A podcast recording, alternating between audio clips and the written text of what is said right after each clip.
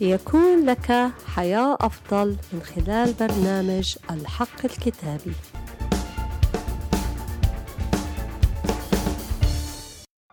حقيقة اليوم الكتابية بعنوان الرب يحول الاكتئاب إلى فرح.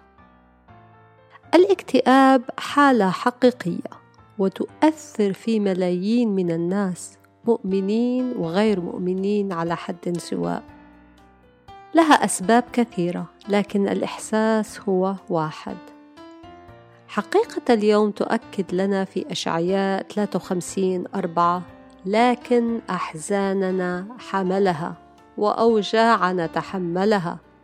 إن الرب يقول لنا في فيليبي أربعة أربعة افرحوا في الرب كل حين. وأقول أيضا افرحوا. عندما الرب يتكلم هو لا يتكلم بأمور صعبة ومستحيلة. حين يقول افرحوا في الرب كل حين هو يقول أنك تقدر أن تفرح كل حين. لكن هذا الفرح هو من عند الرب وهو غير مزيف لأنه يبتدئ من عند الرب. وهو ليس فرح العالم الوقتي كالمال والبيوت والجاه والأشياء الوقتية التي لا تدوم. لكن فرح الرب دائما له جذور دائمة لأنه من عند الرب. أنت تسأل كيف أحصل على الفرح؟ اولا في مزمور واحد عدد اثنين وثلاثة لكن في ناموس الرب مسرته وفي ناموسه يلهج نهارا وليلا فيكون كشجرة مغروسة عند مجاري المياه. التي تعطي ثمرها في أوانه.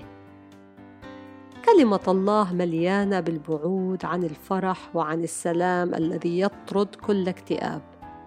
الهج بالكلمة وثق بكل مواعيد الكتاب المقدس لأنها حياة لنفوسنا. حتى لو لم تكن تشعر بالقراءة اقرأ إنها مصدر الفرح والسلام.